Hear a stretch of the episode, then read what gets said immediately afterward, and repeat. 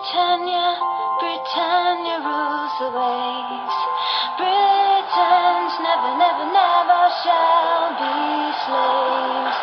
Oh, Britannia, Britannia rules the waves.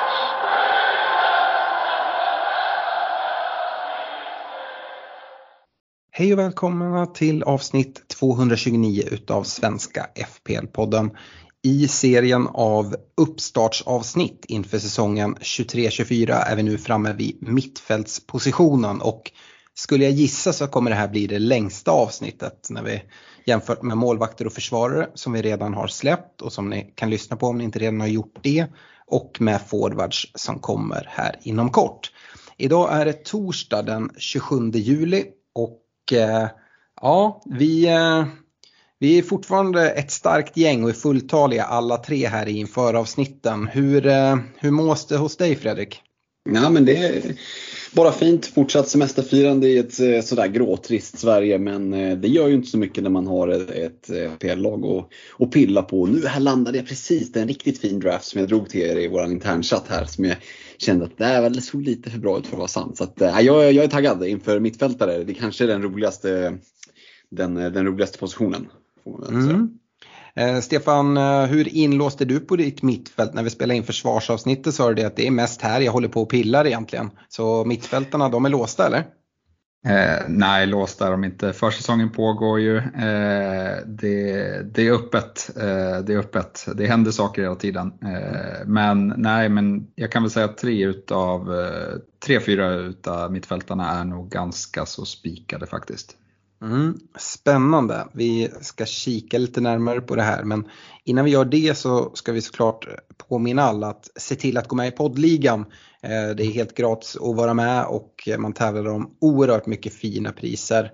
Eh, vi har en ligakod för det, för det och det är e RE224Y och eh, det kan man hitta lättast på vår Facebook-sida. Svenska FPL-podden heter vi där. Man kan även hitta mer info om ligan som vi har tillsammans med vår partner Glenn Sportsbar. Och eh, Glenn-ligan eh, som vi väljer att kalla den, eh, eller Glenn Fantasy PL som Facebookgruppen och jag tror även ligan heter det faktiskt. Eh, och här gäller det att gå med innan Game Week 1 och det vill man göra. 250 kronor kostar det att vara med. Ganska liten summa om det slår ut över en hel säsong tycker jag. Eh, nu spelar vi in den 27 juli. Det här avsnittet kommer släppas något senare men ganska nyligen har man fått lön. Så att eh, förhoppningsvis finns 250 kronor att avvara för det här vill man inte missa. Missar man att vara med till Game Week 1 då kan man inte vara med och Fredrik vi, vi brukar ju få frågor. Kan man gå med i Glenligan sådär i Game Week 2, Game Week 3?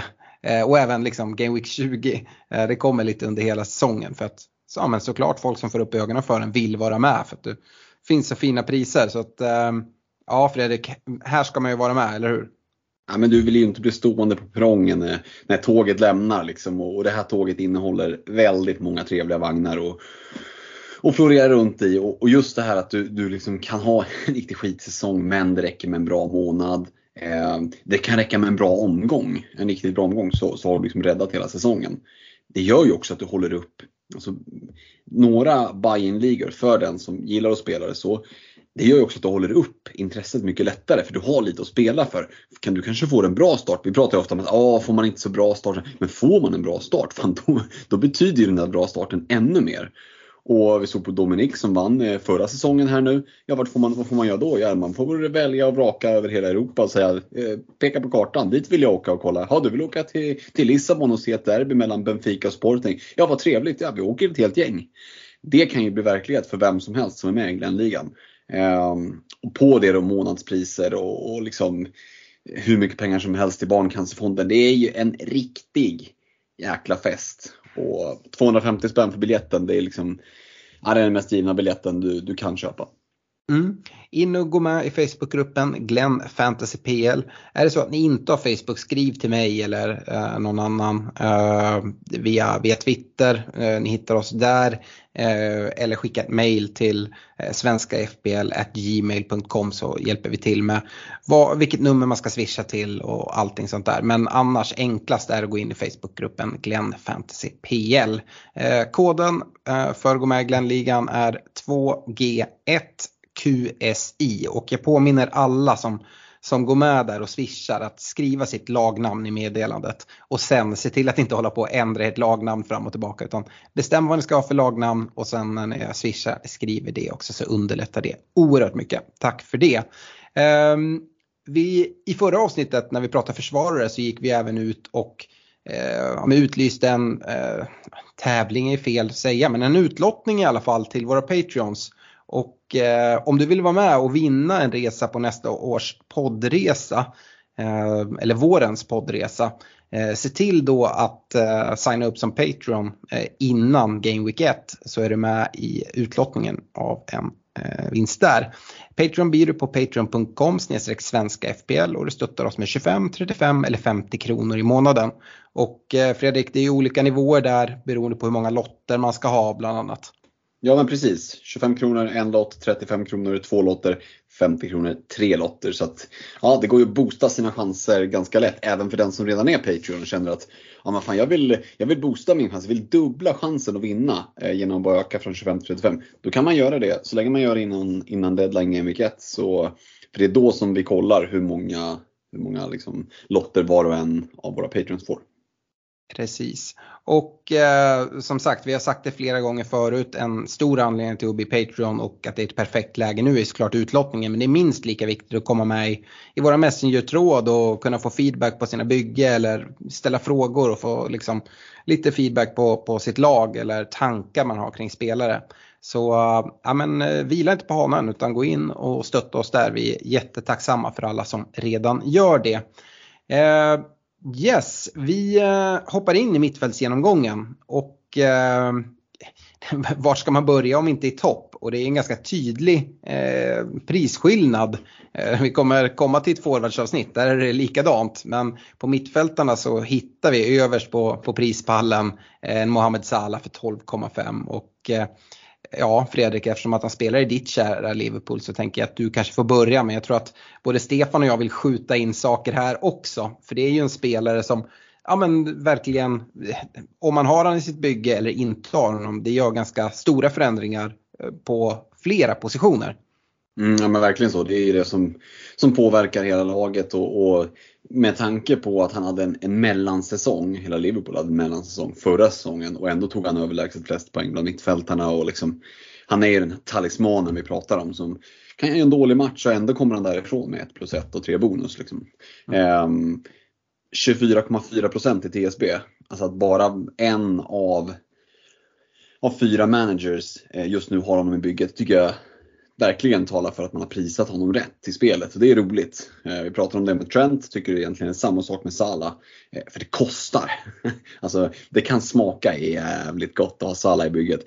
Men Gud ska veta att det kostar. Eh, för min del kostar det för mycket. Jag får inte in honom i bygget och jag tycker att det liksom ger för stora skador på de övriga eh, spelarna i bygget. Så jag har honom inte i draften just nu eh, och har inte haft honom så mycket. Och, ja, det, det är spännande för vi vet ju att det finns ett kaptensalternativ där. Eh, och, och, ja, men han kommer, håller han sig skadefri kommer han ta mycket pengar, det vet vi. Det är liksom ingen gissning utan det, det, det är mer eller mindre fakta. Eh, frågan är bara om det går att hitta täckning på något annat sätt. Liksom, eller sådär. Så att, ja, det, det är roligt att han kostar 12,5. Ja, men jag får inte in honom i bygget. ja, eh, Stefan eh, Mohamed Salah, eh, det blir väl lite en fråga om hur trygg man är att sätta binden på Håland i, i varje omgång. Mer eller mindre om man ska gå med Salah eller inte. För att, eh, oavsett om man har Trent så är det i alla fall inte för mig en kaptensgubbe. Utan Salah är väl någon man skulle kunna sätta binden på i, i vissa omgångar. Men för många är det ju, är det ju Håland som gäller. Hur, hur tänker du kring Mohamed Salah?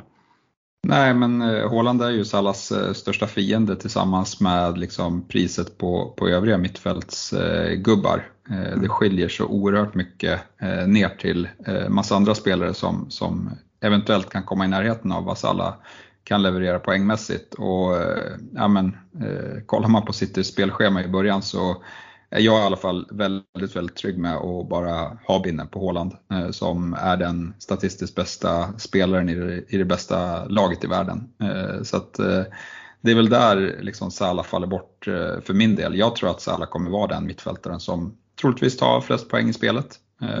Men han får ingen plats i, i mitt bygge i, i Game Week 1.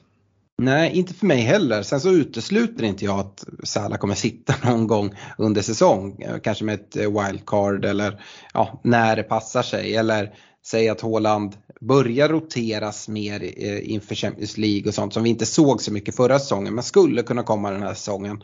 Eh, det skulle kunna vara en Håland-skada skulle ju helt plötsligt göra att Salas ägande kommer gå upp enormt. Ehm, men när jag kollar till Game Week 1 så har han aldrig riktigt varit med. Jag har försökt någon gång bara få se vilka uppoffringar skulle det innebära. Och det allra tydligaste för mig det är att jag kommer inte kunna få ihop ett tillräckligt bra femmanna mittfält. Och jag sa att det här kommer förmodligen bli vårt längsta eh, avsnitt kopplat till eh, Eh, positionsavsnitten. Och det har att göra med att det finns oerhört mycket värde på mittfältspositionen. Och du pratade om det att det finns billigare spelare. Det är, vi kommer komma neråt här mot 9,0, 8,5 och, och även neråt. Men eh, man har inte plats för, man kanske har plats för en eh, spelare som kostar där 9, 8,5 och Sala. Eh, men sen behöver man ha en 4,5 mittfältare som ska sitta längst ute på bänken. Så att det blir egentligen eh, Eh, för de allra flesta skulle jag tro om Salah ska in en fyr, fyrbackslinje. Eh, och ja, jag vill ha fem mittfältare med allt det här värdet som finns. Och det handlar inte bara om vad jag ska starta Game Week 1 med utan eh, det är, en, det, det är bra att tänka lite prispunkter. Och jag vill ha plats till att kunna byta mellan de här 8,5 mittfältarna eller däromkring. Och då behöver jag ha flera spelare som jag kan, ja, men, kan byta ut och byta in andra som, som visar sig vara det absolut bästa alternativet på de här positionerna. Det är i alla fall min tanke. I'm Sandra, and I'm just the professional your small business was looking for. But you didn't hire me because you didn't use LinkedIn jobs. LinkedIn has professionals you can't find anywhere else, including those who aren't actively looking for a new job but might be open to the perfect role, like me. In a given month, over 70% of LinkedIn users don't visit other leading job sites. So if you're not looking on LinkedIn, you'll miss out on great candidates like Sandra. Start hiring professionals like a professional. Post your free job on linkedin.com/people today. Den största fördelen med att gå med Salah är ju såklart att man får ett annat eh, kaptensval i Game Week 2 eh, när de möter Bournemouth hemma eh, som kommer liksom stå ut enormt mot eh, liksom templet-laget. Eh, men samtidigt så eh, för min del då så skulle det handla om att kicka ut någon utav Rashford, Saka och, och Bruno. Mm. Och ja, det skulle troligtvis vara Bruno. Men det är fyra miljoner däremellan och det är de fyra miljonerna som är extremt svåra att hitta. Eh, då skulle man behöva få liksom att, ett bekräftat riktigt fynd från början. Mm. Eh, det, det, är väl liksom problemet att vi, vi har inget eh, riktigt sånt enligt mig. Eh, men, men, en annan fördel med att ha Salah i bygget är ju förutom att du får den kaptenen då som, eh, ja, ska vi vara ärliga, det kan gå hur som helst. Eh, Salah blackade ju när, när de vann 9-0 mot Bournemouth hemma i fjol och, och liksom Håland som vi pratade om så många gånger i fjol, börjar ju mer eller mindre varje match på ett mål. Så att det är inte säkert att Salah tar mer poäng än Haaland i den gameweeken, även om jag håller honom som favorit. Men om vi kollar liksom till Game Week 3 om man har Salah, ja, men då står man troligtvis med, med två fria byten och ja, men, kan ju downgrada Salah till, till vem som helst och kanske liksom ha sett lite mer vart, vart det barkar och, och vilka som, eh, som man vill ha. Så, så det skulle väl potentiellt kunna vara en fördel då, eh, om man går med Salah. Mm. Yes, eh, jag tror vi lämnar Sala just där, lite hängande. Eh, men det låter som att vi inte kommer se eh, Mohamed Salah i något av våra tre byggen till, till Game Week 1 i alla fall. hoppar vi ner blir vi tvungna att hoppa ner hela 2 miljoner för att hitta nästa spelare. Jag tänker att vi inte alls behöver dröja oss kvar lika länge som vid Mohamed Salah vid Kevin De Bruyne. En helt fantastisk fotbollsspelare var ju skadad i slutet av förra säsongen och eh, ja, men ryktades väl att han skulle vara borta till Game Week 1 men han är ju med i, eh, i Citys försäsongstrupp här och eh, det ser ju ut som att han kommer komma till spel. Eh, men för mig är han ändå inte aktuell till, till Game Week 1. Det finns fint City-värde i, ehm, i billigare mittfältare som vi kommer komma till och det är väl den stora anledningen. Men Eh, de har ändå prisat ner Kevin De Bruyne lite. Eh, Fredrik, hur, hur ser du på Kevin De Bruyne till Game Week 1? Nej, men som isolerad spelare, fenomenal såklart. FPL-värde, ja absolut, det finns det. När du bara kollar isolerat på De Bruyne. Men som, precis som du nämner, så kollar man på övriga City-mittfältare och tänker oh, oh, oh, jävlar, det, det skiljer 3 miljoner så kom du ner till, till grabbarna som, som är framför honom i banan. Eh, och då kan jag inte riktigt motivera till att lägga 3 miljoner mer på någon som, som faktiskt spelar längre bak i banan. Även om han fyller på en hel del framåt och har en en liksom oerhörd eh, liksom, fot och kommer att göra både mål och assist. Så nej, jag, eh, jag är riktigt sugen på att trippla upp City framåt. Men det går inte att göra med De Bruyne, det har man liksom inte stålar till. Då, då, då får man titta åt andra håll. Men jag lägger väl samma brasklapp kring De Bruyne som du gjorde kring Salah. Är det omöjligt att han sitter i bygget vid det första wildcardet i vadå, Game Week 8? Nej, absolut inte. Det, det kan mycket väl vara så att han han har ju gått lite så här på tomgång Nej, det har han inte gjort. Han var ju först, han fruktansvärt bra. Men, men han har ju varit skadad till och från. Så han har ju vilats. Vi såg det förra säsongen. Han vilades ju mycket mer inför förra säsongen. Tänkte man, ja men De Bruyne är ju hyfsat givna i alla fall. Det var ju inte alls det. Han vilades ju nästan lika mycket som de andra. Eh, och då blir det ju också en sån här, liksom, menar, Salah vilas ju inte.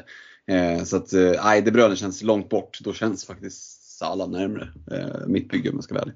Mm. Stefan Julian Alvarez visade ju att han kunde gå in och täcka upp för Kevin De Bruyne när han behövde få lite vila förra säsongen och det borde ju göra att Pep ser det även nu att ja, men, i alla fall till när Champions League drar igång att uh, han kanske kan få någon vila här, här och där. Och uh, jag kan absolut se att Kevin De Bruyne kan, kan vara en spelare som i perioder under en FPL-säsong kan vara intressant att plocka in. Men kanske inte till Game Week 1. Delar du mina tankar där?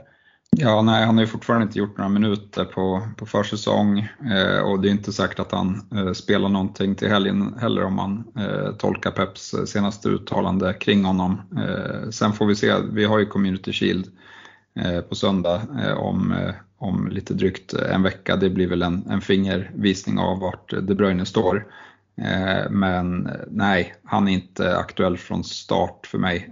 Jag tycker att hans ja, men hans skadeproblematik blir ju bara tydligare och tydligare eh, vad det verkar. Eh, och eh, ja, men om det är någonting så är det väl kanske mot andra halvan av säsongen när eh, det eventuellt eh, blir, blir dubbelveckor och så som, som De Bruyne eh, kan bli aktuell för mig. Mm. Eh, när vi kommer neråt i pris då har vi ingen mittfältare på 10,0, vi har ingen på 9,5.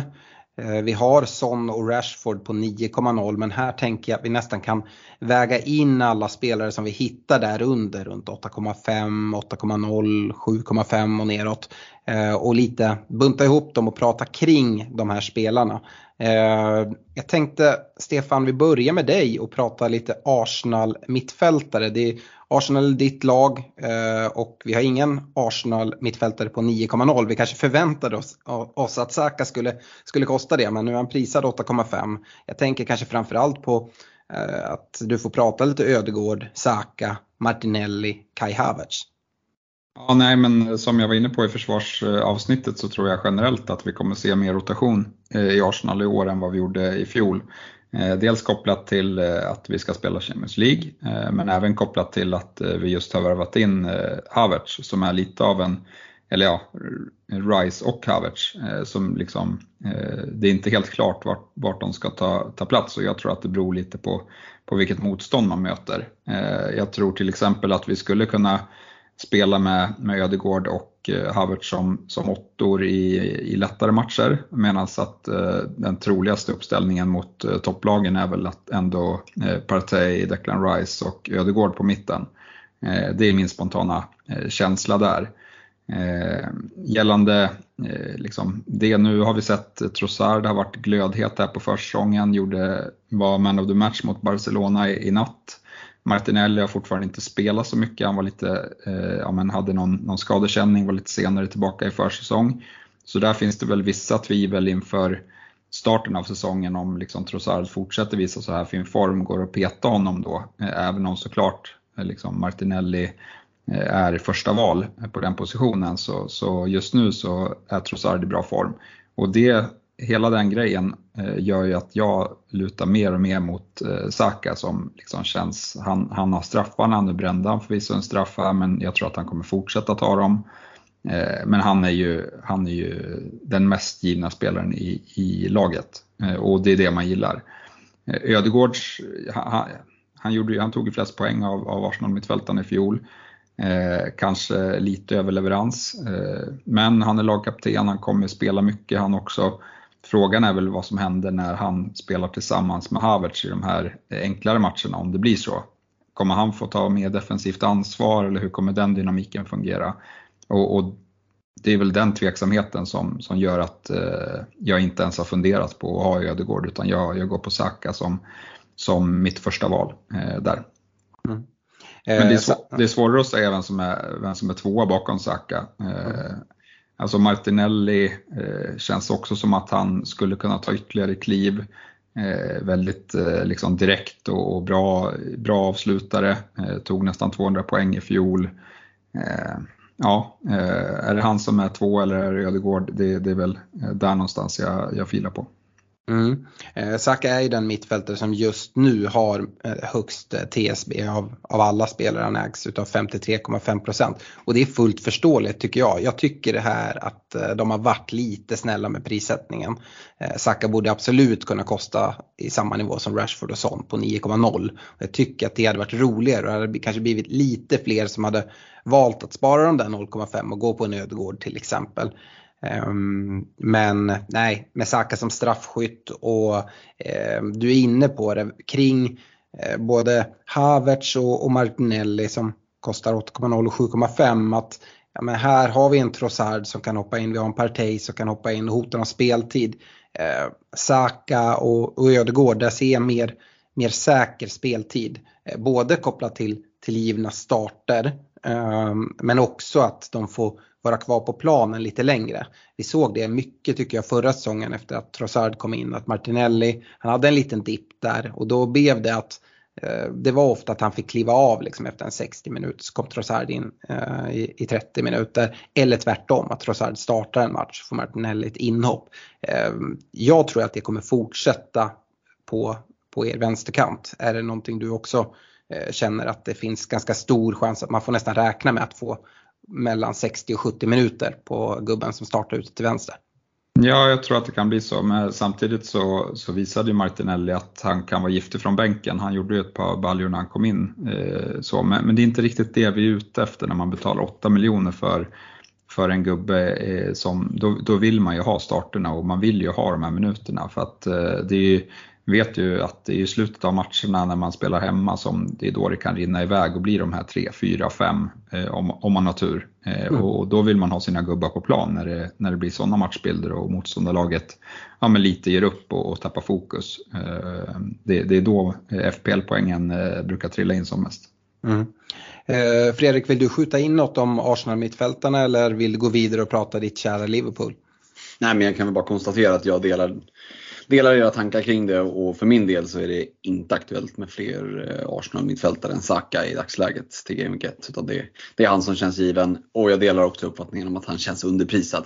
Hade gärna fått kosta 9,5 liksom, så, hade gjort, så det hade känts lite mer att ta in honom för nu känns det som en autopick. Eh, och hans poäng i frågan vad de kommer vara värda liksom, efter ett tag in i säsongen om han flyger. Men så jag går gärna över och pratar Liverpool där det är lite rörigare.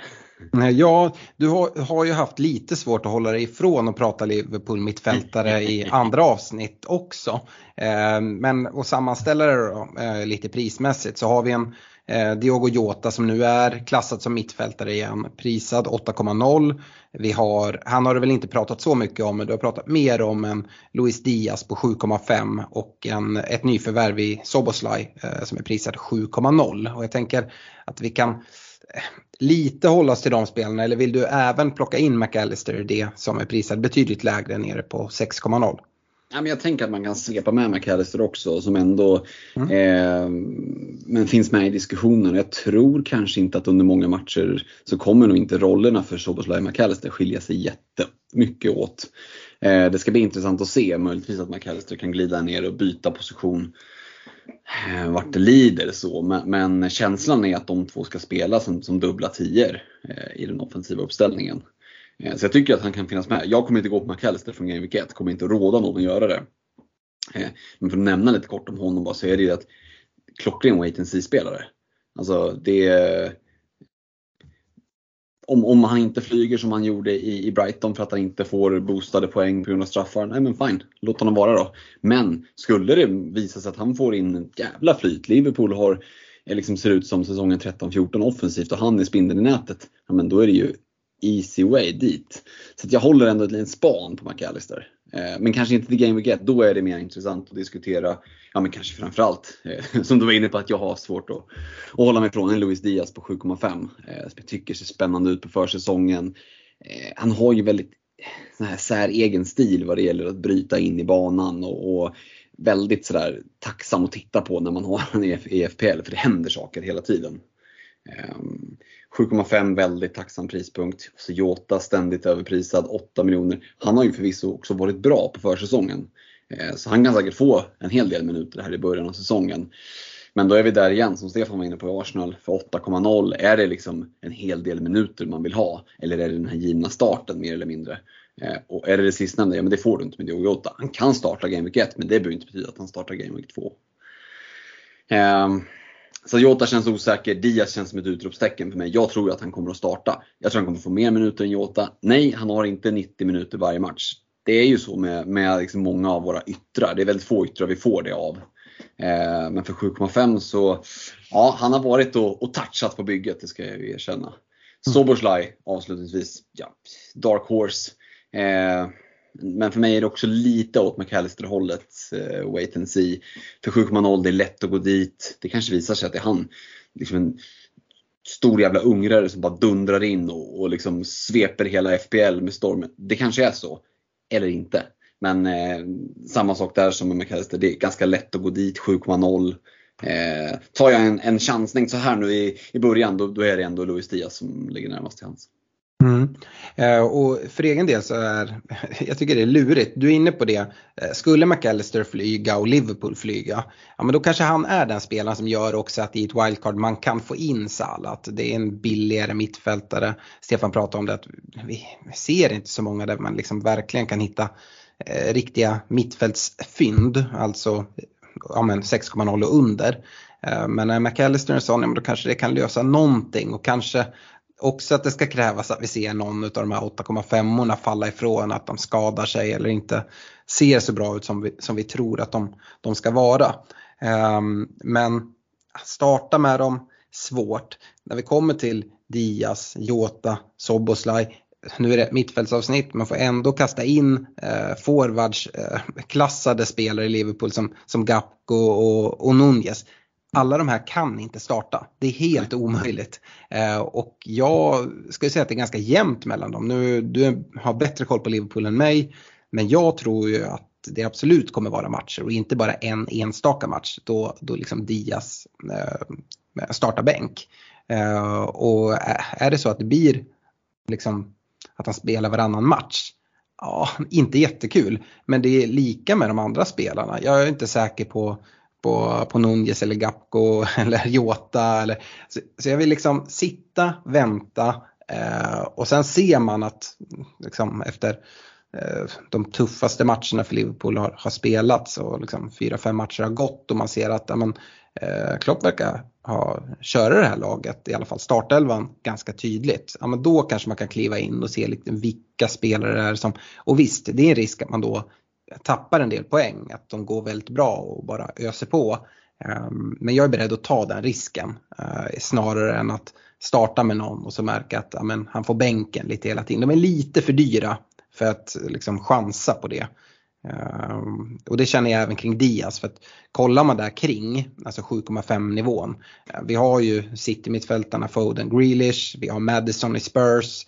Eh, och liksom, de känns eh, för mig mycket mer intressant att starta med än, än, än eh, Luis Diaz till, till Game Week 1 i alla fall. Ja, de är ju, har ju större chans. Ja, ja. Jo, jag håller med dig. Det är bättre scheman dels. Eh, och ta som, det är många i den prisklassen ändå som är mer säkra på start. Och så här till början av säsongen så är det lätt att lockas också av fina namn. Men alltså, du vill ju inte sitta där med Game Week 1 och så har du fyra spelare i ditt bygge som börjar bänk för att du gick på flärd eh, snarare mm. än liksom, spelare som du faktiskt vet kommer att starta. Eh, för det kommer vara en del överraskningar. Eh, och jag håller med dig att det är Liverpool, all, tar man med en Liverpool-spelare i laget så är det en chansning. Eh, en Liverpool-mittfältare. tar du med Salah så är det en chansning därför att du, du gamblar med övriga bygget och tar du med någon av de andra, då är det en gambling för att du vet inte om det är just den som flyger. Mm. Eh, nu har jag ju bollat över ordet eh, till er för att prata era lag och era mittfältare men det går ju inte heller att hoppa över mitt kära lag Manchester United. Eh, här har vi också flera spelare i den här prisklassen. Kanske framförallt Marcus Rashford och Bruno Fernandes. Rashford för 9 och Bruno Fernandes för 8,5. Ungefär så jag hade önskat att de hade gjort med, med Arsenal och Ödegaard och Saka. Saka kostar lite mer. Eh, så det ska man väl prata om. Men vi kan ju även skjuta in eh, 7,0 mittfältarna men kanske framförallt Mason Mount men även Anthony och Sancho är prisade där även om jag inte eh, tycker att de lockar speciellt mycket. Eh, men om man jämför Bruno och Rashford eh, så är det lite omvänt med Ödegård Saka. Eh, vi vill väl ändå tro att Bruno fortsatt har, har straffarna och han är något billigare än Rashford, 0,5. Och där är ju, alltså vi, vi ville få upp Saka till, till 9,0 där, där, där Rashford är. Men, och en, en del av det är att han tar straffarna. Eh, men eh, jag tycker att Rashford, det är en mer säker roll i Manchester United. Eh, jag tycker att han är solklart bäst ute till vänster. Han föredrar att spela där själv. Var nyss ute i en väldigt öppen hjärtlig intervju han gjorde med Gary Neville där han fick korta frågor att svara på. Då fick han bland annat det, liksom, utgå från vänstern eller starta som nia. Och sa det är men solklart utifrån vänstern, det är där jag trivs allra bäst. Och det tycker jag man kan se. Och jag hoppas verkligen att United får in nu Rasmus Höjlund eller värvar någon annan nia så att Rashfords tydliga roll kommer vara där ute. Sen kommer han kunna vikariera uppe på topp stunder i matcher och sådär. Men eh, framförallt skulle jag vilja ha han ute till vänster liksom i de allra flesta matcherna där han får komma med fart. Och ehm, då är han oerhört målfarlig och poängfarlig. Eh, Bruno Fernandes, ja, jag, jag gillar han också.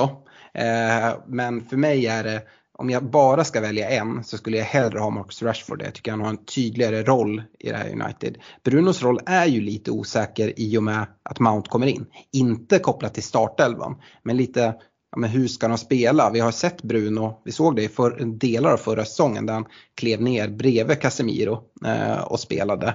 Och, eller när Casemiro var borta, att han klev ner eh, i den rollen. Och han gör det väldigt bra där fotbollsmässigt. Men han eh, är inte lika eh, poängfarlig och det är det man vill ha i, i fantasy. Den stora fördelen med Bruno, eh, det är min lång monolog här, jag ska snart bjuda in er. Men det är ju att han har straffar i Manchester United. Och jag pratade en del om det förra säsongen. Jag tyckte det var märkligt. United fick oerhört få straffar eh, förra säsongen.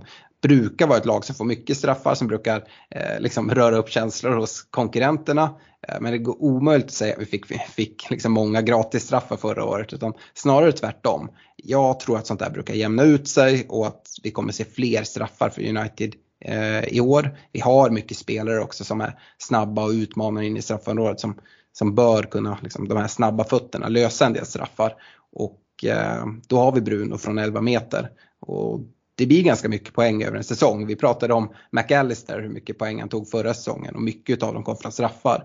Jag tror att vi kan se det från Bruno också. Och det gör att jag ja, men är rätt liksom sugen att starta både Rashford och Bruno. Men är det så att någon faller ifrån då kommer det vara Bruno Fernandes för mig oavsett att Rashford kostar 0,5 mer. Eh, nu har jag inte pratat så mycket Mount men eh, Stefan vad vill du skjuta in kring United-mittfältarna och det, det dravel som jag har hållit på och pratat om här? Nej, men båda är oerhört eh, intressanta. Jag rankar dem precis som dig. Jag håller Rashford lite högre eh, trots allt. Eh, men eh, ja, jag ska villigt erkänna att båda är i, i draften eh, och eh, det ska mycket till för att eh, någon av dem ska petas från den. Eh, Fredrik, eh, nu har jag inte pratat Mason Mount så mycket men jag tycker att han är en bra exempel för de här Liverpool-gubbarna som du nyss pratade om att ja, men vänta och se lite grann. Det kan visa sig att Mount är ett jättefynd eh, och att han kommer komma in jättebra i United och starta i en tydlig tia-roll där, där Bruno får flytta ner. Ja, men då är det ett bra läge att gå dit. Men att starta med en Game Week 1, för mig är det lite utav en liksom, för stor chansning. Utan då tycker jag att Bruno är ett säkrare kort om man vill liksom dubbla upp med någon utöver Rashford. Eh, håller du med mig där? Mm, ja absolut, det är det ju definitivt på dubben. Sen eh, jag kanske inte helt överens med, med den raka jämförelsen mot alla i Liverpool. För att i Mount så, det går absolut att jämföra med Soboslaj McAllister. De här centrala mittfältarna som kan hamna längre ner och som kommer att behöva ja, men, ta lite mer löpningar för att ta sig in i straffområdet. Men, men jag tycker att det finns en, en distinktion att göra gentemot eh, de som spelar som Rashford, Luis Diaz, de här som spelar egentligen i ett tremananfall om vi ska vara ärliga.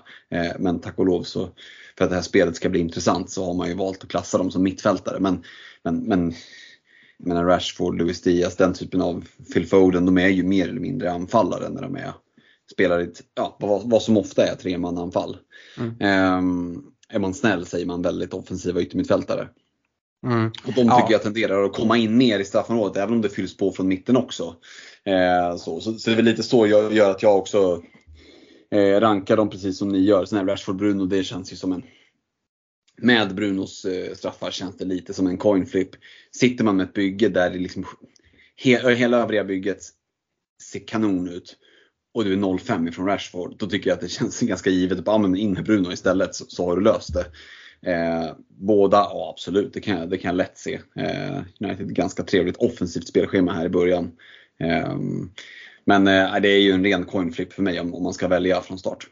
Mm. Det som kan kasta om allting kopplat till om en uppdubbling i Bruno och Rashford det är ju om en spelare som Rasmus Höjlund eller en annan nia kommer in i United och blir ja, men, ganska schysst prisad.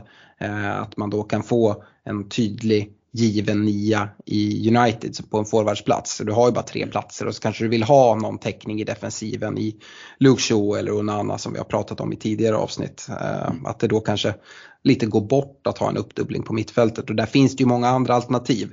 Så att det är ganska lätt att bara göra så att men då väljer jag en och så kan jag ta någon annan spännande spelare i ungefär samma priskategori på mitten som vi håller på att prata om nu. Um, det är bara det jag menar med jämföra Mount med Liverpool-spelarna som Diaz är. Fördelen med Mount jämfört med Diaz, det tycker jag ändå är att jag ser det som betydligt troligare att Diaz, eh, eller att Mount startar eh, vecka efter vecka efter vecka och att Diaz eh, liksom har en större risk att hamna på bänken. Och även Jota mm. då som är dyrare. De har ju andra roller i, i Liverpool som ytterforwards men de är också mer liksom Eh, risk för, eh, för minuter. Så är det. Så är det. Eh, då har vi pratat våra tre lag och där finns det ju faktiskt ganska mycket att, att prata om och så men det, i det här prisklassen så är vi inte klara där. Vi har redan pratat lite Manchester City och Fredrik, vi har Foden och Grealish som båda är prisade 7,5. Mm. Det har varit, tycker jag, mest kärlek på, på Twitter för för en Phil Foden och Grealish kanske lite bortglömd. Vi såg ju en Grealish som verkligen eh, tog steg, eh, i alla fall ja, men rejält hos Pep Guardiola och liksom säkrade den där platsen medan Foden blev en snegunga för ganska många i fantasy och man tog in honom och så var han borta i några matcher medan Grealish startade och startade och startade. Eh, du får gärna liksom prata lite City-mittfältare. Vi, vi sa att mm. Kevin De Bruyne kanske inte är så intressant. Du har pratat om att eh, du är oerhört lockad av att gå på en City eh, upptrippling i offensiven och då tar jag det som givet att eh, Haaland är en av dem. Men du ska in två mittfältare då förmodligen om inte Alvarez ska vara en av dem. Um, och jag är också väldigt sugen på det sett till Citys oerhört fina spelschema Eh, i starten och City är ett sånt lag som inte ens är beroende av bra spelschema. Eh, men, eh, ja, men det är tydligt på pappret bästa laget i ligan, bästa offensiva lag i ligan med, med bästa spelschema. Eh, ja, varför inte gå på en upptrippling? Mm, ja, och svaret på den frågan varför inte det är väl just faran för rotation och minuter. Det finns en, en Bernardo Silva, nu vet jag inte om Mares är helt klar för Saudi, men han ska väl dit. Men, men det finns ju liksom andra spelare som kan komma in och stjäla minuter. Eh, och det är ju hela, hela tiden en avvägning. Eh, hur mycket ska jag gambla kring minuter? Hur mycket ska jag eh, spela säkert? Liksom. Men nej, för 7,5 Grealish, 7,5 Foden, jag tycker att de är underprisade. Eh, jag tycker att det är eh, riktigt liksom det, det, är ett för bra erbjudande och just nu sitter faktiskt båda i draften eh, i, i The Anfielders. Och, eh, ja, men dels så, så det en miljon i plånboken från, från en Bruno Fernandes som man kan stärka upp backlinjen med. Ehm, och nej, den där dubblingen gör ju att det går att, liksom, det går att blicka mot Citys spelschema och, och, och sitta och hoppas för FPL-laget ska sägas. Eh, att det kommer att komma någon utdelning framåt. Ehm, för sitter du bara med Håland, det kommer alla andra också göra. Men jag bindlar Håland, men det kommer typ alla andra också göra. Så då blir det nog att gömma sig bakom soffan om man, om man eh, lirar utan eh, City-mittfältare. Eh, så ja, det är ju väldigt trångt mittfältet men 7,5 jag tycker att det är kanonvärde för båda. Du var inne på att Foden har fått lite mer kärlek. Ja, Grealish ska väl, de ska väl hitta någon, någon alkomätare och, och två mintogummin liksom, eh, till honom. Eh, men eh, jag tror att Grealish kan vara en sån som har fått smak på firandet. Eh, jag tror ju inte att det finns någon spelare i Manchester Citys trupp som är lika sugen på ett lika vilt firande eh, även efter nästa säsong, eller den här säsongen som kommer, som Jack Grealish. Så är det någon som kommer liksom, alla har ju så det vet man, alla som jobbar som säljare haft sina vidriga säljcoacher och så har de hittat vad som motiverar. Ja, ah, du gillar fotboll, tänk dig många, många Anfield-resor du kan köpa om du bara säljer så här mycket. Till Grealish är det mer bara, se till att vinna varenda titel, då får du fira hur mycket, dricka mycket sprit du vill. Eh, och, och, den moroten gör att för 7,5 så sitter han i, i bygget just nu. Mm. Eh, och ja, men Jag tycker så här, eh, en, en Grealish han har ju sin plats ganska tydligt ute som, som vänster, eh, vänsterspringare. Även om man liksom gillar att gå inåt i banan så är det där han utgår ifrån. Foden är ju en mer så här, eh, en väldigt skön spelare. Jag tror Pep gillar det väldigt mycket. Spelare ska spela på flera positioner. han kan spela centralt som en ersättare om Kevin De Bruyne är borta till exempel om man inte vill använda Alvarez där. Eh, Gündogan eh, har gått till Barcelona, den platsen har de ju förvisso värvat in Kovacic från, från eh, Chelsea. Eh, men det kan även vara Foden som spelar i den rollen. Foden kan spela ute till höger eh, där Mares då eh, försvinner eller redan har lämnat. Ehm, det är en Bernardo Silva som också är lite som Foden, också kan nyttjas på olika positioner. Ehm, jag tänker så här, Fodens speltid den ökar för varje säsong. Det är en jag tror också för Manchester City är en väldigt viktig spelare i det här eh, bygget som eh, ja, men verkligen är en gubbe som kommer från e-, egna led.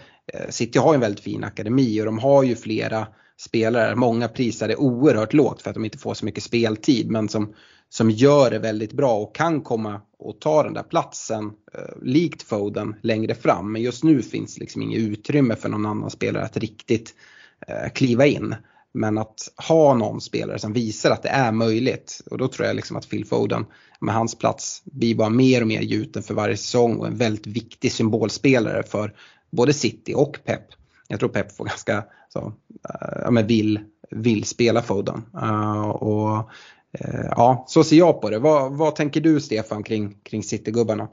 Nej, det är Foden som intresserar mig allra mest. Eh, jag tycker inte Grealish eh, är lika intressant. Eh, framförallt för hans, hans output i terms, termer av poäng har varit för dålig. Sen kan han såklart säkert få ordning på det. Men jag är inte beredd att betta på det här, här och nu. Men med Foden känns ju sjukt intressant. Som du var inne på, Gündogan har lämnat. Jag tror att i enklare matcher framförallt så kan Foden eh, få den, den rollen och liksom fylla på vara den som spelar närmast Håland. Eh, sen har ju även, eh, eller om Mares lämnar så, så lämnar ju även en väldigt bra vänsterfot för fasta situationer. Eh, och där har vi sett på försäsong att Foden har tagit fasta. Eh, han gjorde ass i, mot någon match här och ja, men slår hörnor och frisparkar med, med sin vänsterfot, vilket jag tror att bara kommer öka hans eh, assistpotential. Eh, sen, sen, får vi se, det är inte säkert om, om Maris lämnar så det går ju lite rykten om att, eh, att City eventuellt eh, är ute efter en ersättare där, en Rafinha har det ju pratats om från Barcelona och så, så det är inte säkert att det blir liksom drömmen så. Men han är 23 år nu, eh, det är dags att liksom, får han 500 minuter till i, i ligan då, då flyger han, då kan han vara uppe där mot 180, 180 eh, poäng och kanske nosa på 200 om det vill sig, vill sig riktigt väl tror jag. Mm. Och som du säger, eh, i enklare matcher att använda honom bredvid Kevin De Bruyne och kanske ha Rodri som det där eh, ankaret eh, på mitten. Att då, eh, kollar man sitt spelschema ja med enkla matcher, ja men det är det vi har här i början. Det är ett perfekt läge att liksom spela det. Eh, och ja, jag gillar verkligen det. Och fördelen, alltså om man väger Foden mot Grealish, tycker jag att Foden har en, en övervikt på möjligheter till att göra fler mål än vad Grealish har medan Grealish kanske väger mer mot assister. Det kan Foden också bidra med, eh, men jag tycker att mål, de är kanske lika farliga på, på assister men att eh, Foden väger över på målen och det är ju det är fler poäng så det, det är det vi vill ha. Um, Stefan, eh, ett annat lag som jag vet ligger dig varmt om hjärta från norra London är ju Spurs. Mm. Här har vi ju här har vi också mittfältare. Vi har kanske framförallt en Madison som har, har eh, värvats in från Leicester, har gjort det oerhört bra i ett liksom, sämre Leicester nu vi med tydligt bättre miljö runt omkring sig. Så bör möjligheterna, jag tror att de kommer ha en ganska tydlig tia-roll eller liksom ja, kanske 10 är fel, jag tror att de kommer spela 4-3-3 och att han då kommer spela i den offensiva rollen utav den trean bakom Kane och tror att det kommer passa Madison oerhört bra. Han är prissatt 7,5. 7,0 har vi både Kulusevski och Richarlison. Och för mig är de inte superintressanta utan det är Madison där. Vi har Son för 9,0 som också ska, ska vägas in i det här tycker jag. Hade en lite sämre säsong senast men har också varit ute och pratat om att han haft problem nästan hela förra säsongen och känt smärta och haft skador. Vilket han nu säger att det ska liksom vara borta och liksom skakat av sig. Men ja, Richarlison tycker jag är mest intressant att, att, nämna om det skulle vara så att Kane försvinner. För då har vi Richarlison till 7,0 mittfältare och jag förväntar mig att han ja, men, kommer ta Kanes roll rakt av. Du får gärna ge din syn på de här Spurs-spelarna som jag nämner. Ja, nej men eh, det, det blir väldigt avhängigt om eh, Kane blir kvar eller inte eh, såklart, hela diskussionen. Det som jag kan känna med Kane, han, han droppar ju gärna. Då känns det som att liksom han och Madison skulle, skulle lite operera på samma yta men det skulle kännas mer naturligt att ha liksom Madison bakom en Richarlison som kanske mer hotar i djupet. Men oavsett vilket så, någonting som Spurs verkligen, verkligen saknade på förra säsongen på mittfältet var ju kreativitet och det får man ju med Madison. Eh, och sen, sen antar jag väl att eh, Bentancourt är på väg eh, tillbaka också där så att eh, det, det kan nog bli bra offensivt sett. Och jag räknar inte bort någon. Jag tror Madison kan vara fin, han kommer vara på mycket fasta. Bör har ju liksom ha bättre möjlighet till att ta poäng än vad han hade i Leicester. Samtidigt en sån om, om tror jag ja, men blir mer intressant om, om Kane lämnar för då antar jag att han rycker åt sig straffarna där. Mm. Eh, och eh, ja, men det skulle ju kunna vara något som verkligen eh, får Son att flyga om man nu blir kvitt sina eh, skadebekymmer. Så kollar vi hans FPL-historik så var ju förra säsongen verkligen något som stod ut eh, åt, åt det negativa hållet. Han har ju varit väldigt, väldigt eh, konsekvent eh, annars och, och liksom de två säsongerna innan det så levererade han ju extremt höga scorer. Och, och, som sagt för 9, 9 miljoner om, om Spurs får till sin offensiv, det kan vara ett riktigt fynd tror jag. Mm. Ja, jag, jag, jag håller med. Eh, Fredrik, eh, hur, hur, ser du på Spurs och, och, deras mittfältare? Är det något du vill skjuta in här? Mm, ja, men det är ju intressant. Jag tycker att det är eh, de börjar ju rätt tufft där med Brentford borta, United hemma och det gör väl att jag kanske inte kommer att sitta med någon i, från Game Week 1. Eh, men sen är det Bournemouth borta och sen har vi väl eh, deadline där för, för transfers och se om Kane är kvar. Jag ska säga det att säljer man Kane, kanske till Bayern München, kanske till PSG, då lär man ju casha in en miljard jag har ju svårt att se att Daniel Levy ska sitta och trycka på den miljarden. De lär väl försöka plocka in någonting annat. Vad är det ingen aning om, men det går, de kommer säkert att rycka i allt från ja, du vet så här, Callum Wilson, Molly Watkins, hela den hyllan liksom, till något jävla överpris för 800 miljoner eller någonting. Ehm, och jag vet inte vad de kan lyckas sno åt sig sådär i slutet av transferfönstret men det blir ju någonting att hålla koll på och någonting som kan ställa till det lite. Ehm, Kane är med första matchen men sen inte. Nej, Spurs känns stökiga men det är klart det finns potential i en Madison för 7,5. Vi såg vad han kunde i ett horribelt Leicester. Eh, och, ja, nu har han bättre spelare runt omkring sig. Han mm. kommer att göra poäng. Eh, och 7,5 tacksam prispunkten eh, då för dit är det ju ändå ganska lätt att, att nå eh, får man väl säga. Ehm, så att, mm, spänd men också just det att jag vill se vad som händer, var det landar med Kane och eventuellt ersättare. Och med den här taskiga starten så finns det ett klockrent wait and see-läge på Spurs. Mm. Eh, Fredrik, annars eh, om vi går till Chelsea, en, en London-kollega till, till Spurs, så var det ju ett lag som underpresterade ordentligt förra säsongen. Eh, det pumpats in pengar, eh, spelarna har fått eh, liksom, lite tid att spela, det har kommit in en ny tränare i Pochettino.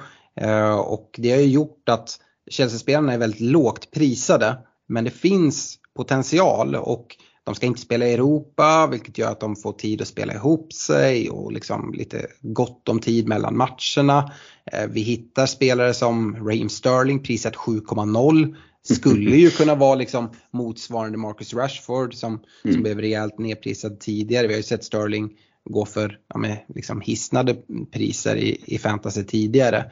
Nu är han nere på 7,0. Vi har ju även som sagt eh, nyförvärv Mudryk som vi ändå såg vad liksom finns för potential där, både innan han kom till Chelsea men även liksom i glimtar i slutet av förra säsongen. Han är prisat 6,5. Uh, eh, Chelsea, är det en tydlig så wait and see eller är det så att man kan hoppa på redan från start och hoppas på att liksom, alltså någon pant uh, i sin startelva till Game Week 1 kan man ju ha. Och mm. skulle Chelsea kunna vara det, förvisso är det Liverpool i första matchen men sen är ju ett riktigt fint spelschema det vi har pratat om tidigare när vi har pratat försvarare bland annat.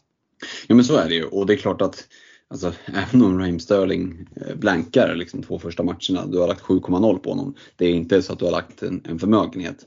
Det är snarare så att han tar upp en mittfältsplats. Eh, det är väl mer det egentligen än, än själva pengarna, skulle jag säga initialt. Eh, men det som gör att det lockar att gå utan Chelsea i början, ja, men det är ju om en tuff första match och att det är så oerhört lätt att gå dit. Så att istället för att börja med Sterling och så är det Mudrik som flyger, då skulle du lägga ett byte på det ja, men då kan jag liksom gärna, gärna bara vänta, se. Det blir ju lite karbonpapper på, på um, eh, eller karbonpapper på, på Spurs så, men, men det är lite känslan, se vem som flyger. Madueke fick ju en del speltid förra säsongen, 5,5, det kanske är han som är Pochettinos nya kelgris, vem vet? De har ju ändå skeppat halva laget känns det som till Saudi, så det är lite färre spelare som, som eh, man känner på mittfältet är verkligen där och slåss om det. Mm. Vi tror väl att, att en eh, Jackson kommer att starta kanske som nia med en Kunko bakom i nummer 10-rollen. Men sen är det ju varsin vingplats då och då är frågan där om, om Sterling och Mudryk ska ha varsin, Madueke ska in. Det finns ju en Conor Gallagher som har gjort en del poäng när han var utlånad till, till Palace. West Ham rycker i honom kanske, 5,5. Eh, vi har sett tidigare att det finns höjd i många av de här spelarna. Så att Chelsea är ju ett, alltså, när ni som lyssnar på det här får ju fatta att jag håller på Liverpool. Jag är inte superförtjust i Chelsea som klubb. Men när vi pratar om det här så är det ju ur ett FPL-perspektiv. Och ur ett FPL-perspektiv så känns det som att här finns det du har hällt i en hel jävla fröpåse och täckt över med jord och vattnar och så. Det kan bli vad fan som helst. Det kan stå tomt och du kan också ha en blomstrande jävla fruktträdgård att plocka av eh, när vi kommer en bit in i säsongen. För att visar det sig att de flyger, så då kan du ha en Mudryk för 6,5, en Sterling för 7,0.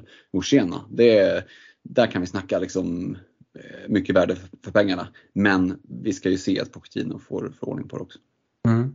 Eh, nu när vi har pratat våra, våra klubbar och även de här andra klubbarna då har vi egentligen gått igenom alla spelare från 9,0 ner till 7,0. Den enda spelare vi inte har nämnt är Jared Bowen från West Ham som är prisad 7,0. Jag tycker att det inte finns så mycket anledning att stanna kvar vid honom för att jag tycker inte att det är någon som ska vara aktuell för en, för en Game Week 1. Eh, West Ham som har tappat, tappat Rice och ja, men jag vet inte riktigt vad som kommer hända där och jag tycker han är lite för högt prisad faktiskt även om de har sänkt honom ganska rejält från, från förra säsongen.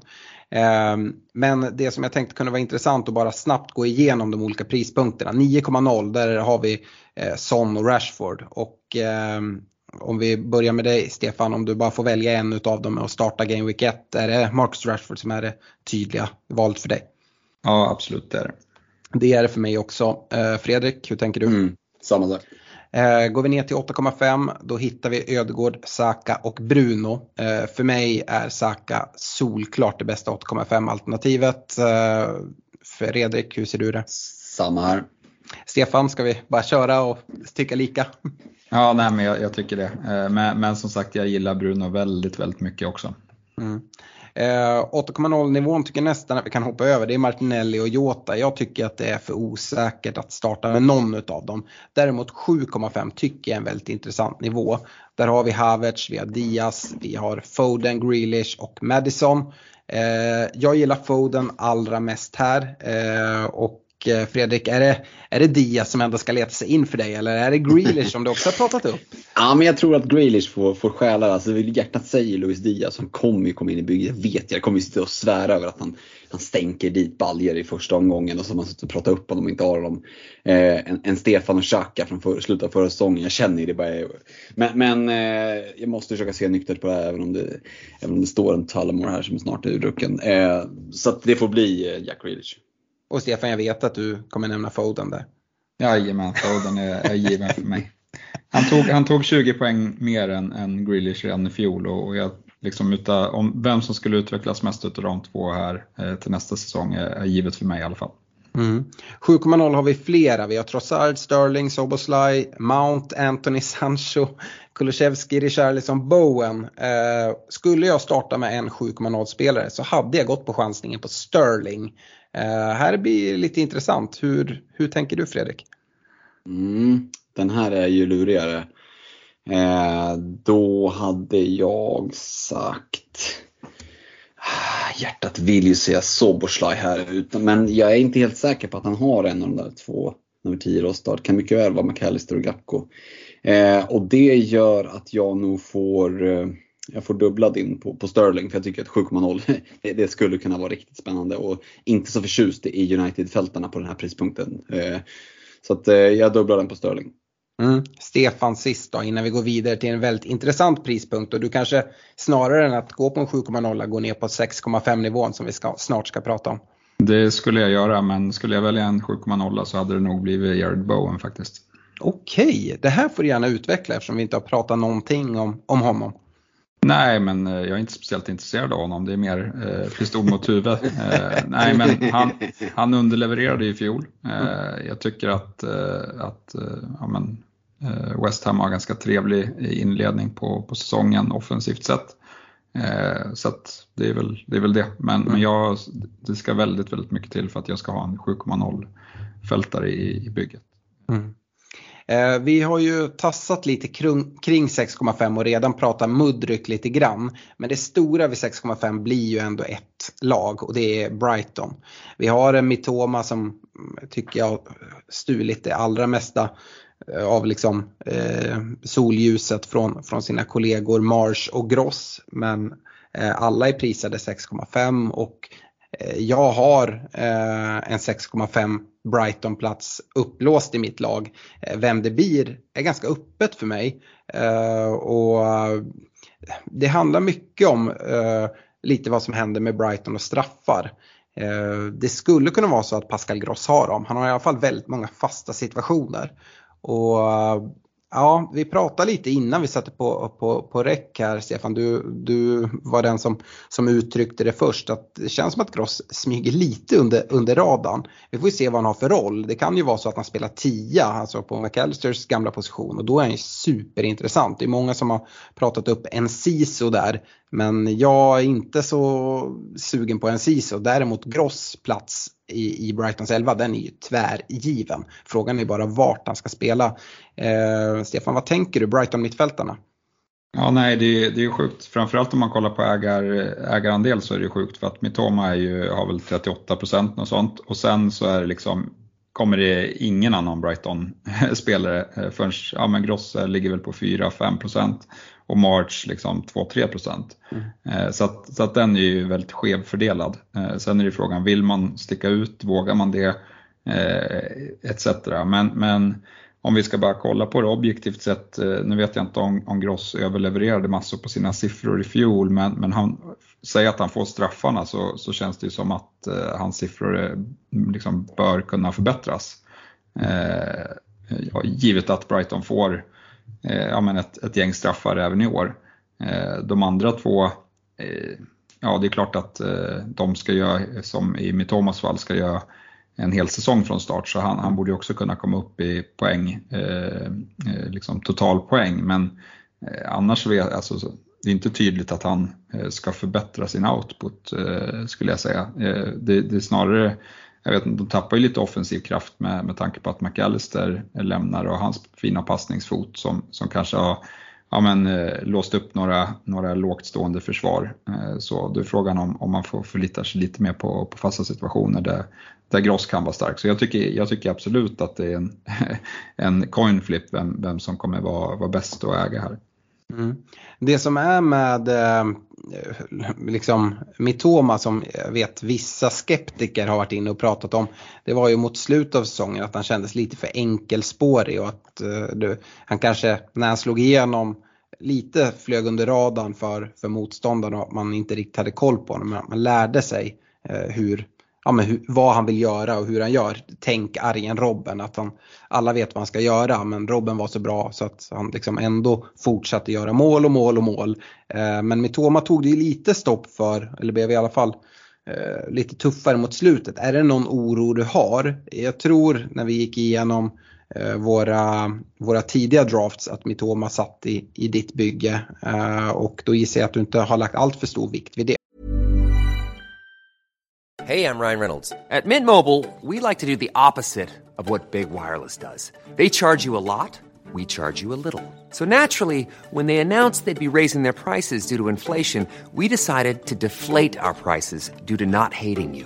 That's right. We're cutting the price of Mint Unlimited from $30 a month to just $15 a month. Give it a try at mintmobile.com slash switch. $45 upfront for three months plus taxes and fees. Promo for new customers for limited time. Unlimited more than 40 gigabytes per month. Slows. Full terms at mintmobile.com. Hiring for your small business? If you're not looking for professionals on LinkedIn, you're looking in the wrong place. That's like looking for your car keys in a fish tank. LinkedIn helps you hire professionals you can't find anywhere else, even those who aren't actively searching for a new job but might be open to the perfect role. In a given month, over 70% of LinkedIn users don't even visit other leading job sites. So start looking in the right place. With LinkedIn, you can hire professionals like a professional. Post your free job on linkedin.com slash people today. Nej, men det är också lite så här, eh, vill man sticka ut eller inte från templeten på den positionen? Eh, nu, nu är Mitoma så högt ägd eh, och det kanske är en, liksom riskabelt med, kopplat till, till price drops och, och liknande. Men det kan även ses som att det är en sköld mot att han inte liksom gör två mål i första matchen om han sitter utan.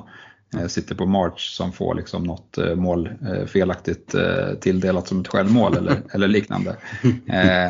Men, men nej, det är väl mer så jag har tänkt. Eh, sen, tror jag att eh, Mitomas liksom, eh, ja, men sista del av förra säsongen, det var lite kopplat också till att han eh, brände några lägen där, som han borde ha satt dit. Eh, lite, mm. lite dåliga avslut snarare än att han, att han inte fortsatte ta sig, ta sig till lägen. Mm. Det är väl min analys där.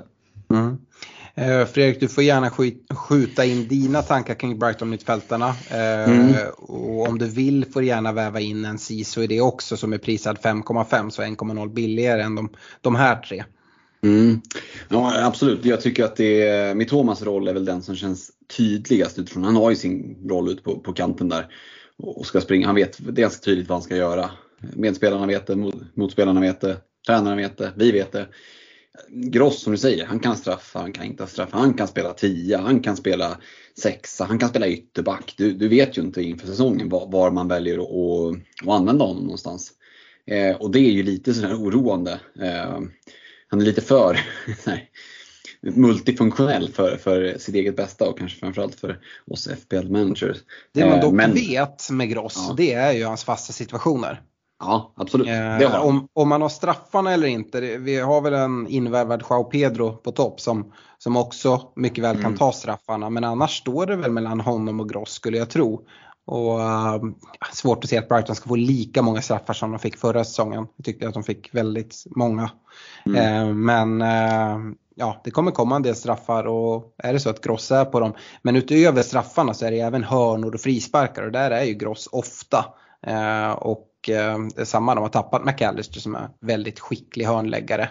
Mm. Men eh, det kommer knappast göra så att Gross tar färre hörnor. Så är det ju. Alltså, det är spännande att se. Jag såg en intervju på, med, med, med De Serbi där han pratade om att han kommer behöva rotera mycket mer nu när det är Europaspel och sådär. Och vi får väl se vilka spelare det är som, som du var inne på tidigare Alex. De Serbi är ju ingen manager man litar på direkt. Det är inte så att jag liksom tar gift på att någon av de här kommer att spela vecka ut vecka in i både Champions League och, och eller så här, i Europa League och ligan. Så det, det kan ju bli eh, lite hur som beroende på hur han väljer att prioritera och hur de håller sig skadefria och så.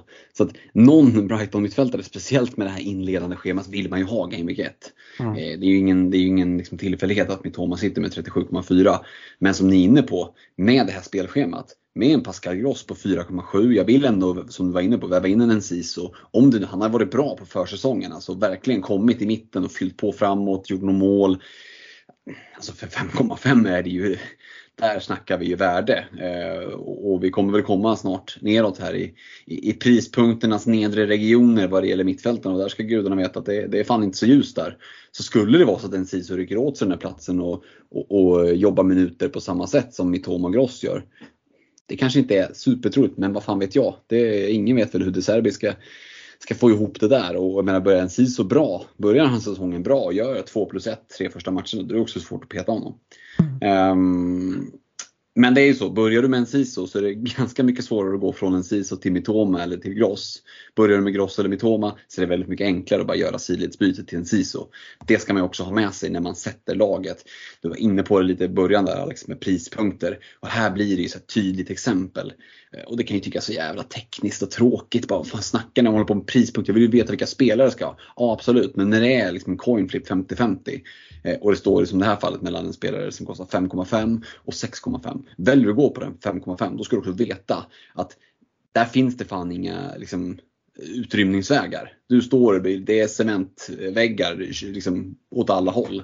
Medan på Mitoma Gross nivån 6,5, men då finns det ändå lite mer eh, att, att gå till. Jag menar på 6,5 så finns det ju faktiskt utmanare om om positionen i bygget. Eh, Medan på 5,5 är det stendött. Så det ska man också ha med sig med, med en SISO. Men eh, å andra sidan, det är ju sjukt låg TSB, 10%. Så det, mm, det, det fina poängen kan vara M. Eh, Brighton med det här inledande spelschemat känns ju jätteintressanta.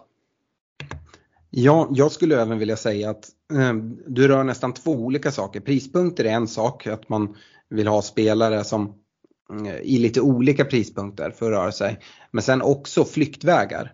Mm. Alltså att går man på de här billiga spelarna eh, då blir det att man måste göra ett dubbelbyte för att få ihop pengar för att uppgradera om det inte finns någon billigare. Hittar man en 4,5 mittfältare som man tycker, ja men det här verkar schysst, liksom, han, han ska nog spela och jag kan, jag kan lira honom.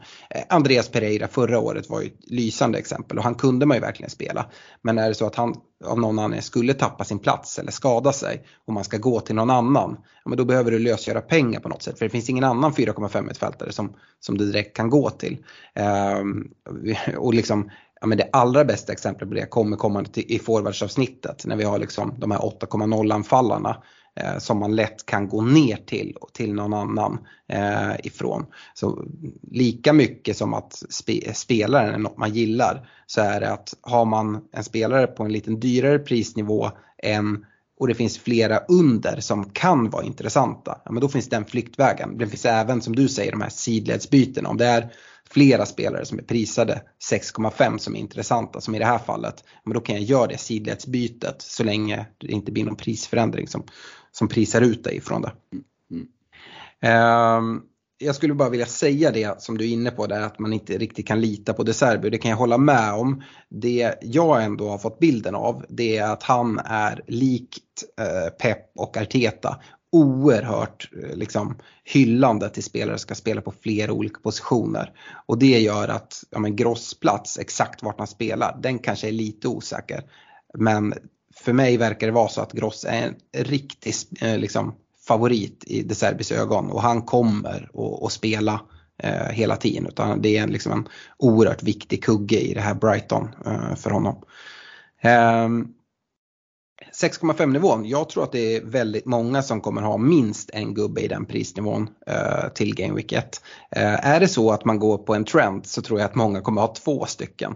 Eh, en Brighton-gubbe och förmodligen eh, kanske det hetaste namnet som, som det pratas om, en Emboemo i Brentford. Eh, Emboemo har ju gjort det bra i Brentford de här säsongerna. De har varit uppe i Premier League nu. Eh, han har ju spelat tillsammans med Eh, en Ivan Tony som nu kommer missa stora delar av nästa säsong på grund av avstängning, på grund av spelskandalen där han har spelat på massa matcher som, som man eh, olovligen har gjort.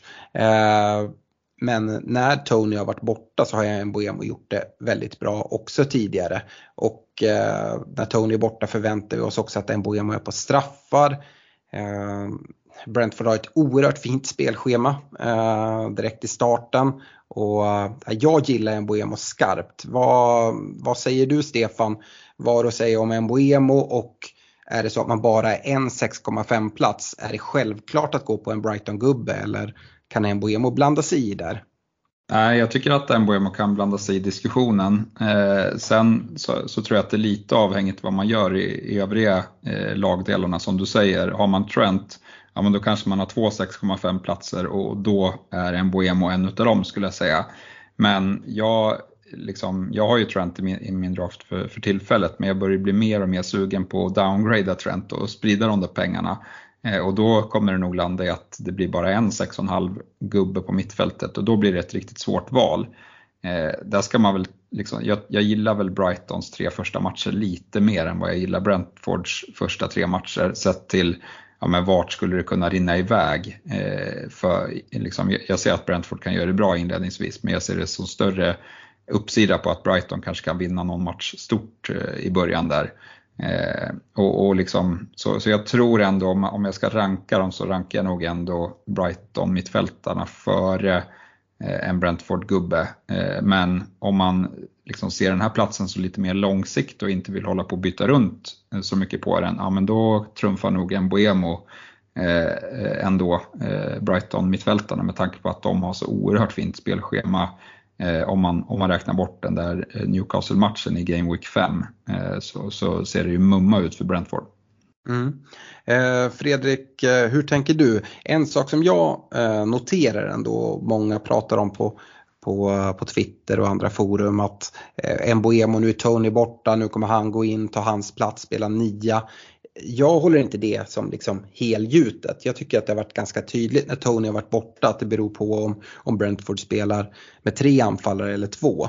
Och är det tre så är det de här klassiska ytterforwards som vi har pratat om tidigare här i, i våra lag till exempel. Och är det tre anfallare då spelar väl Mbuemo nästan alltid ute på kanten och mm. att det är vissa som i så fall tar Tonys roll. Är det två anfallare, ja men då är Mbuemo en utav dem. Ehm, men hur ser du på Mboemo jämfört med Brighton-mittfältarna? Ungefär samma fråga som jag, som jag ställde till eh, Stefan. Mm. Och eh, jag håller med dig om att det blir väl vissa som kommer att spela en hel del där framme. Det tror jag inte behöver störa Mboemos chanser så mycket utan eh, jag tycker fortfarande att han är superintressant. Och och det här är ju liksom någonstans uppsidan för den som väljer att gå på men, antingen Trent eller Salah.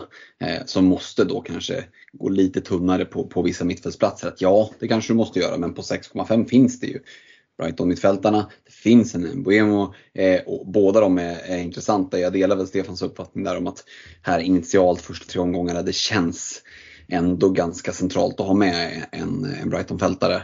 Men Eh, alltså, det är inte så att jag kommer skratta åt några byggen som sitter med både Mitoma och Mbuemo. Liksom. Eh, plus att det är ju inte bara de heller, det finns ju en del andra mm. sådär lite små halvintressanta spelare på 6,5. Vilket gör att, ja men låt säga att du går på två stycken och, och någon av de här inte flyger eller skadar sig. Ja men du är inte fast utan du bara gör ett snabbt sidledsbyte för det finns alternativ också. Ja, prata gärna om dem. Vi har en, ett mm. nyförvärv i Aston Villa, Villa i Devy. Eh, vi har en Esse i Crystal Palace som eh, var populär under tidiga, eh, ja, med förra säsongen. Vi har Almiron i Newcastle som ja, ett tag under förra säsongen var helt ostoppbar. De har även värvat in Ashley Barnes, eller inte Ashley Barnes, mm. men Barnes från Leicester. Harry Barnes. Harvey Barnes. Eh, och ja, alla de här kostar 6,5. Eh, lägg gärna ut texten lite kring, kring dem och dina tankar. Ja men Diaby där låter det ju spännande på. Kom ju med exakt samma siffror som var det Bailey eh, när han kom från, eh, från Leverkusen med 9 plus 9 föregående säsong. Så det mm. verkar ju vara ett vinnande koncept för, för Villa att värva på. Men han hade ju levererat under ett par säsonger i, i Bundesliga och Villa har ju gjort ett jävla spännande fönster. Lite sådär i, i, under radarn. De har plockat in en Pau Torres, en Jure Thielemans, så kommer in en Diaby här nu. Vi vet att eh, Emery såg, det här laget såg riktigt fint ut under förra säsongen. Och, och, nej, jag vet inte, jag har en liten sådär soft spot för, för Villa och tror att de kommer att kunna störa riktigt många lag. Eh, och för 6,5 kan det visa sig. Om den här killen inte är gjord av glas som de andra snubbarna som de har plockat in är så, så skulle det mycket väl kunna komma poäng härifrån. Definitivt en att, att hålla ögonen på. Um, och detsamma gäller väl den här Mudryk som kom för miljarden. Liksom att Han kan inte kosta en miljard för inte. Och, och det finns ju ändå fotboll i honom. Jag vet inte hur mycket han påverkas av det som sker i, i hemlandet liksom, eh, rent mentalt. Eh, kanske har han kommit till rätta lite mer i London nu. Det skulle kunna vara så att han bara får sitt stora internationella genombrott egentligen i Chelsea det här året. Eh, så det är samma sak där. Håll span. Vad hände med Etsen nu när Wilfried Zaha stack till, fan var det Galatasaray han stack till eller? Jajamän. Ja, helvete. Det, det, det var ju annars en sjukt Saudi-kompatibel snubbe kände man ju.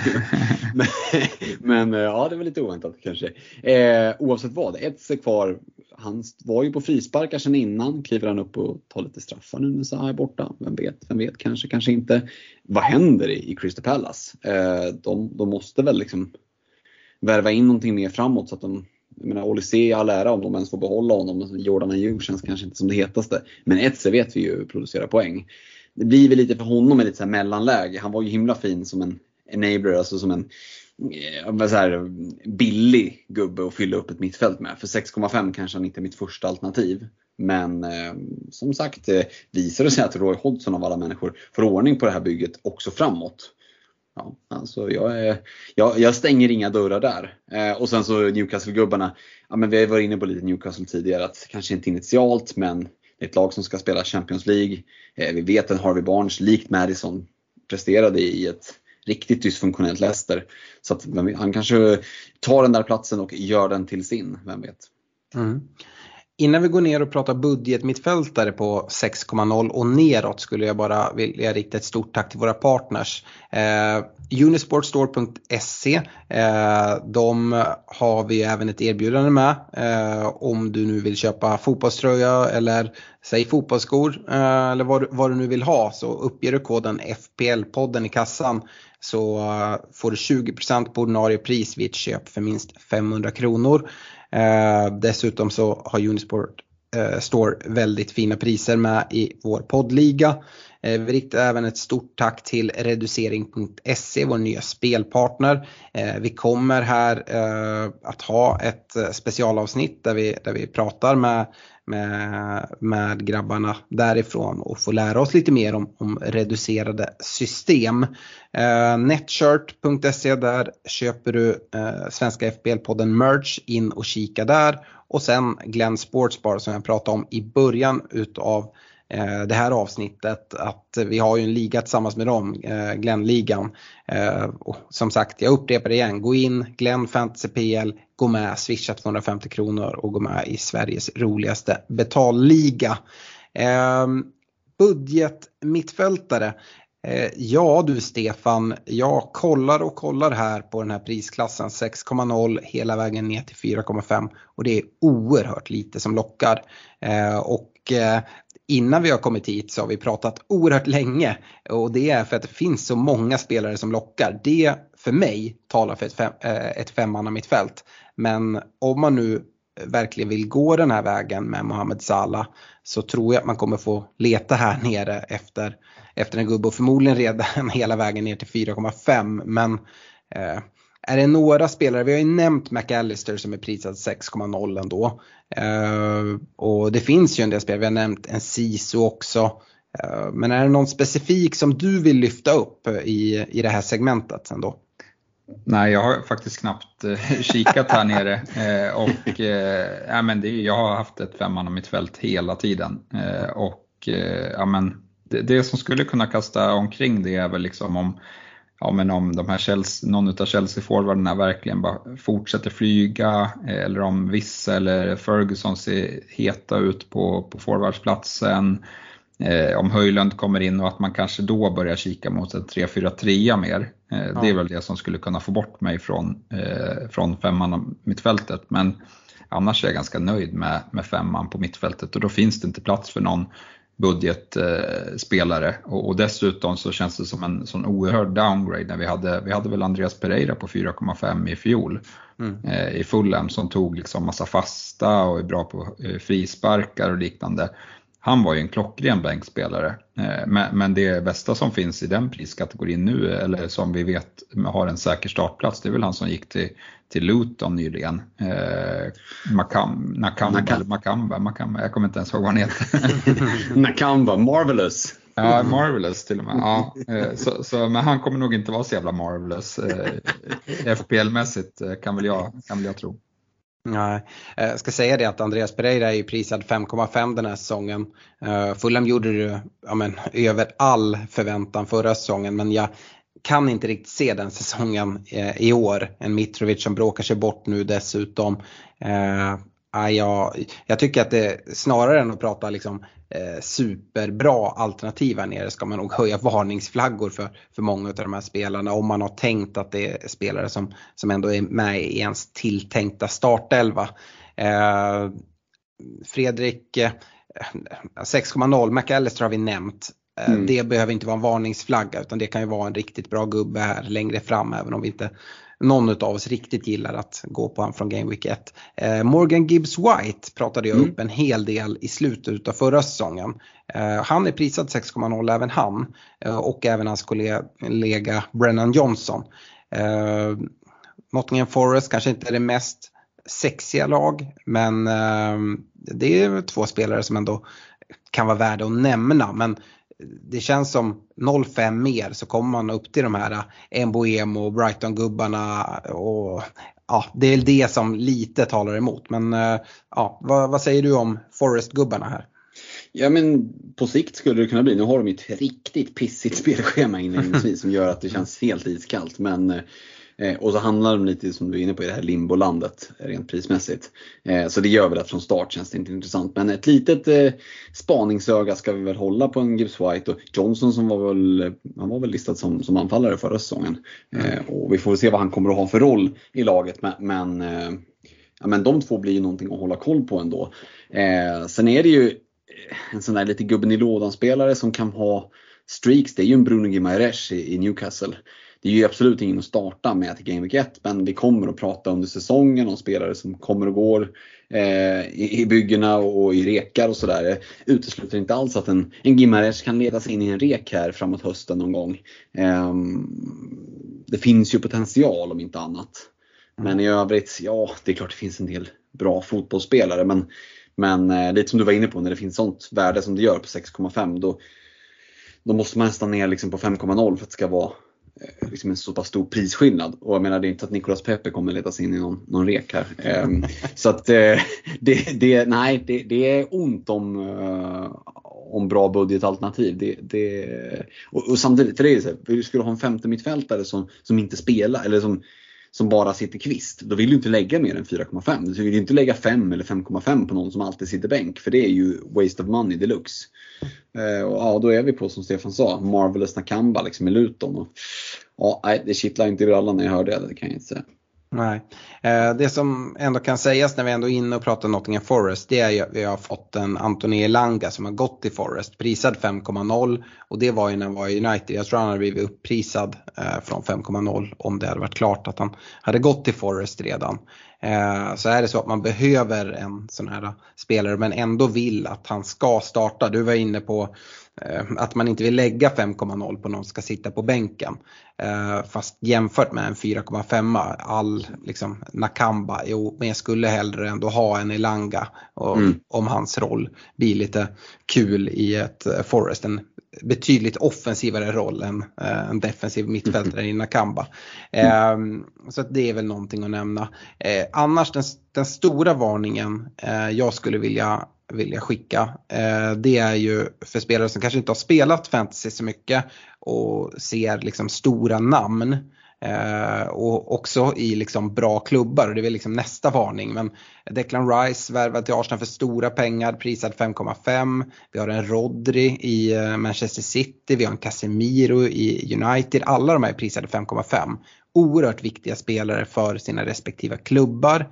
Men eh, inga superspelare i fantasy, då ska man ju ändå skjuta in det att både Rodri och, och Casemiro ändå eh, ja, men gör, gör en hel del poäng. Men de tar upp en United eller City-plats så därför går de helt bort. Detsamma gäller ju med Thomas Partey i Arsenal som också är prisad, ja, han är prisad 5,0. Vi har en Caicedo i Brighton som kanske kommer spela i Chelsea.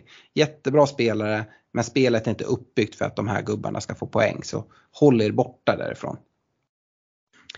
Sen ehm. kan väl flika in också det, vi pratade mycket 6 eh, miljoners klassen där och det är också mm. att vi förväntar oss att Mbuemo och Esse kommer ha straffarna för, mm. för 6,5 och det gör ju mm. också liksom en del i hela diskussionen att kan du få en straffskytt dessutom för 6,5 som är ja, men, mer eller mindre talisman i, i, i bättre lag eh, så vet jag inte, det ska mycket till för att man ska, ska gå ner på 6 miljoner då. Du har Gibbs White som är straffskytt i Forest också. Men, ja, han är det, ja. Uh, nej. Uh, annars 5,0, uh, jag var inne på Elanga. Ett namn som kanske kan vara spännande ändå om vi liksom verkligen gräver djupt. Vi har en Justin Kluivert som har gått till, till Bournemouth och är det så att Bournemouth gör en bättre säsong än vad vi, vad vi förväntar oss och, och Kluivert flyger så kanske det skulle kunna vara någonting.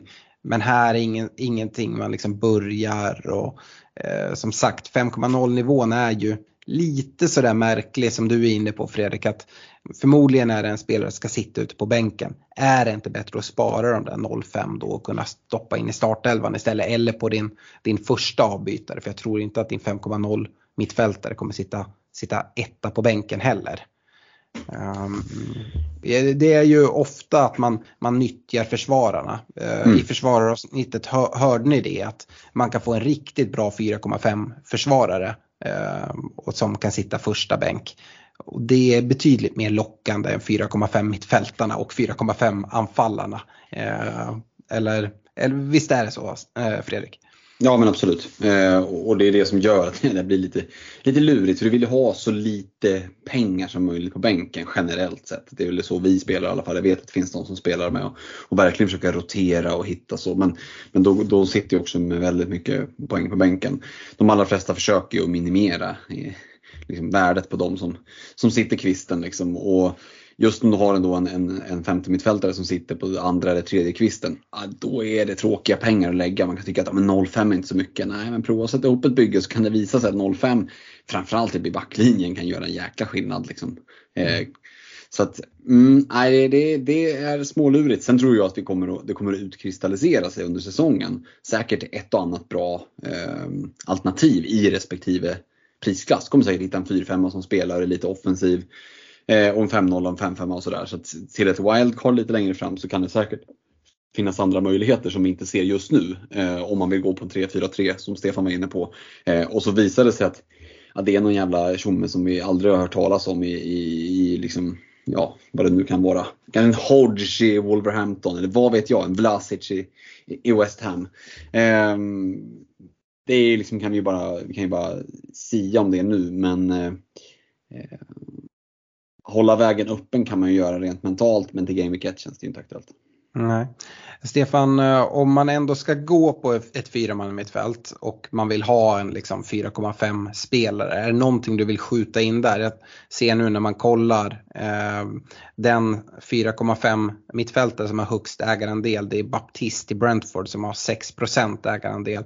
Tycker du att det finns någon anledning att liksom vara försiktig med de spelare som har lite högre ägarandel eller är det lite som vi pratade om med med andra målvakterna. Att det inte är så många som kommer offra byten här så att price drops är ganska otroliga. Hur hade du tänkt om du hade gått på ett fyrmanna mittfält?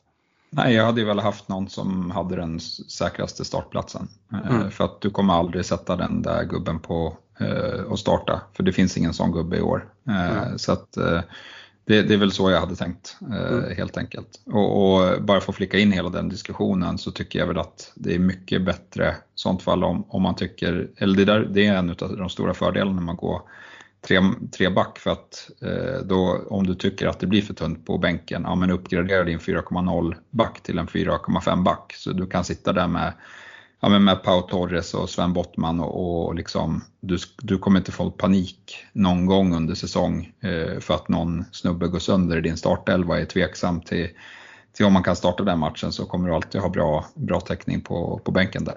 Mm. Nej, och precis så är det jag tänker. Jag, jag kommer eh, med 99% säkerhet spela 3-5-2. Jag kommer ha eh, en liksom död anfallsplats eh, längst fram som kommer sitta längst ut på bänken. Så kommer jag ha två försvarare som, eh, som kommer vara liksom, eh, nyttiga och kunna använda. Eh, antingen som, som en bänkspelare eller för att till och med kunna eh, rotera eh, lite beroende på matcher. I alla fall en första avbytare men kanske till och med att ha två sådana. Eh, vi får se vad det landar i. Eh, stort tack för att ni har lyssnat på det här långa mittfältsavsnittet. Vi är tillbaka inom kort med ett forwardsavsnitt och hjälp oss jättegärna att sprida ordet om podden, sprida ordet om våra ligor och om ni inte redan gör det, se till att gilla oss på Facebook, följ oss där, eh, följ Glenn Fantasy Premier League där sen får ni jättegärna gå in och ge en review på podden via er poddspelare om ni lyssnar via Spotify eller, eller motsvarande. Eh, det uppskattas väldigt mycket. Eh, tills vi hörs nästa gång, ha det så bra. Hej då! Lycka till, ha det bra! Ha det gott, ciao!